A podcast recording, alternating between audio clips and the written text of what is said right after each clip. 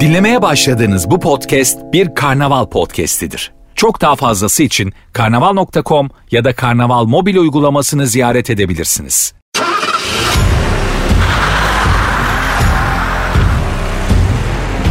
Süreyya İzgi ile Araba Muhabbeti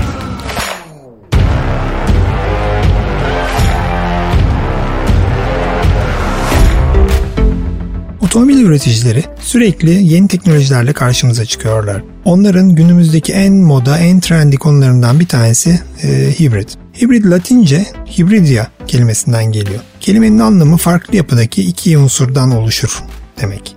Hibrit tohum deyince içinde iki ayrı türden elde edilmiş tohumu anlıyoruz. Hibride en iyi örnekse katır. Eşek ve atın karışımından oluşan hayvan bünyesinde her ikisinden de özellikler taşır. Otomobile gelirsek hibrit motor da iki farklı motor çeşidinin birleşmesinden oluşmakta. Aynı motor grubunda hem elektrikli ve hem de termik yani benzinli ya da dizel motor bulunuyor. Hibrit araçların birçok pozitif yönü olmasının yanında tabii ki bazı negatif yönleri de var. Her durumda bizler yani otomobil sektörü için daha fazla karışıklık, daha fazla parça, daha fazla problem ve daha fazla maliyet demek olduğunu baştan söylemekte yarar var. Önce pozitif yönlerden bahsedelim. Benim için en önemli güzel zorunluluk hibrit arabanın mutlaka otomatik vitesli olmak zorunda olması. Yani bildiğim kadarıyla mekanik vites kutulu yani manuel e, şanzımanlı bir hibrit araç yok. Hibrit araçlarda ilk harekete geçme genellikle elektrik motoruyla olduğu gibi sıkışık trafikte sizi yormayan, çok sessiz ve konforlu bir sürüş sağlıyor. Özellikle çok yoğun trafiğin olduğu, dur kalk durumlarının çok yaşandığı büyük şehirlerde yakıt tüketimleri katalog verilerinden fazla gerçekleşiyor. Hibrit araçlarda ise trafik sıkıştıkça, dur kalk arttıkça diğer tip motorlu araçlara göre daha fazla yakıt tasarrufu sağlanıyor.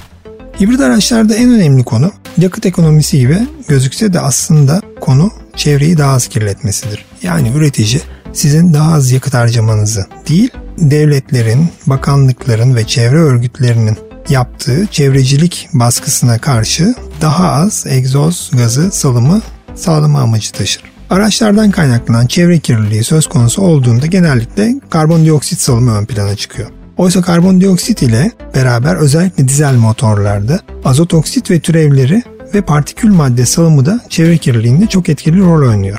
Bu sebeple hibrit araçların içten yanmalı motorları hani günah keçisi e, ilan edilen dizel var ya çevre açısından daha masum olan benzin ve elektrik motoru kombinasyonu şeklinde tercih ediliyor.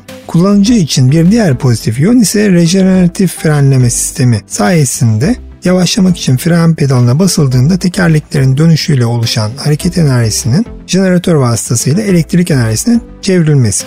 Elektrik üretebilmek için harekete geçen jeneratör uyguladığı dirençle aracın yavaşlamasını da sağlıyor. Bunun sonucunda da fren balatalarının ömrü uzuyor. Büyük kazanç.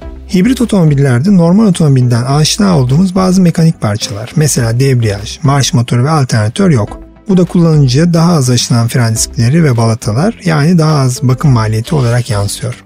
Ama üretici açısından baktığınız zaman e, hibrit otomobil otomobil sektörü için birçok değişiklik ve yapılacak iş anlamına geliyor. Kullanıcılar için hibrit otomobil logolarının etrafındaki mavi bölgeler ve arabanın bazı yerlerindeki hibrit logoları ve gösterge saatlerindeki yeni birkaç göstergeden sınırlı. Ancak üretici gözüyle baktığınız zaman dışı aynı olan komple iki farklı ürün demek çok daha doğru. Özellikle motor kaputunun içine baktığınız zaman alışık olduğumuz motorun yanında vites kutusuyla bütünleşmiş hem motor hem de alternatör olarak kullanılan bir elektrik motoru var. Ayrıca arabanın arkasında bir yere saklanmış bir de batarya var. İster batarya deyin ister pil deyin. Hibrit araçlardaki bir başka değişiklik de elektrik tesisatında. Tesisat yüksek gerilim ilettiği için hayati risk taşımaktadır. O yüzden işte kaputu açtığınız zaman dokunmayın, işte uzak durun gibi bir takım e, stickerlar vardır ya. Hibrit araçlarda bunu daha fazla görürsünüz. Zaten bir kaza durumunda kurtarma ekibinin özel makaslarıyla arabayı keserken dikkatini çekmesi için hibrit araçlarda ya da elektrikli araçlardaki yüksek gerilim elektrik hattı kavun içi renktedir. Bilindiği gibi elektrik ve elektronik parçaların verimli çalışabilmesi için ortam çalışma sıcaklığı çok önemlidir. Hem çok soğukta hem de çok sıcakta verim düşer. Bu sebeple elektrikli motor parçalarını ve elektronik ekipmanları soğutmak için hibrit arabalarda ikinci bir soğutma sistemi ve radyatörü bulunur. Bataryadan ya da anladığımız şekliyle pilden bahsetmişken onun da şarj ve deşarj sırasında ısındığını ve soğutmak gerektiğini unutmamak lazım. Yani bataryanın da kendine özel bir havayla soğutma sistemi bulunuyor.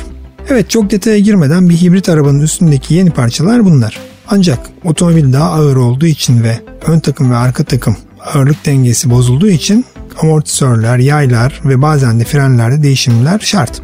Ve araçların pilleri. Bildiğimiz gibi pillerde sadece doğru akımı stoklayabiliyoruz. Güç gerektiren elektrik motorunda ise genellikle 3 fazlı alternatif akım kullanıyoruz. Biliyorsunuz yazılım hibrit arabanın beyni. Beyin sadece elektrik dönüşümünü ayarlamıyor. Aynı zamanda bataryanın yönetimini de yapıyor. Bataryadaki şarj seviyesi düşünce benzinli motoru çalıştırıp bataryayı sabit bir akımla şarj ediyor. Batarya tam dolunca da şarjı kesiyor. E bunun için e, kapsamlı bir yazılım gerekiyor. Aşırı ısınma durumunda sistemi devreden çıkartan yazılım otomobilin hangi motorla devam edeceğine karar veriyor. Güç gerektiğinde her iki motorda devreye alan arabanın elektronik beyni patron durumunda. Peki hibrit arabayla nasıl yakıt ekonomisi yapılır? Uzun yola gittiğinizde herhangi bir kazancınız olmayacaktır. Gerçi bazılarında yüksek hızlarda da elektriğin desteği oluyor, ara hızlanmaları çabuklaştırıyor. Ama tüketim olarak herhangi bir yarar yok çünkü motor sürekli çalışıyor ve araba sürekli hareket halinde. Hibrit otomobillerde asıl kazanç örneğin köprü trafiğinde olduğu gibi durkaklarda ortaya çıkıyor. Gerçi bizde şöyle bir durum var.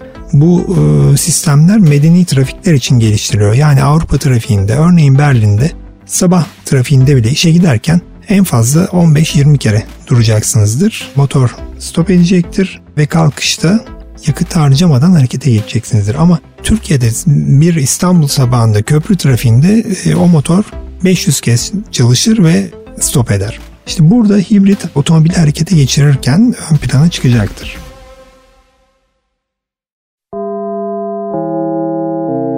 Dinlemiş olduğunuz bu podcast bir karnaval podcastidir. Çok daha fazlası için karnaval.com ya da karnaval mobil uygulamasını ziyaret edebilirsiniz.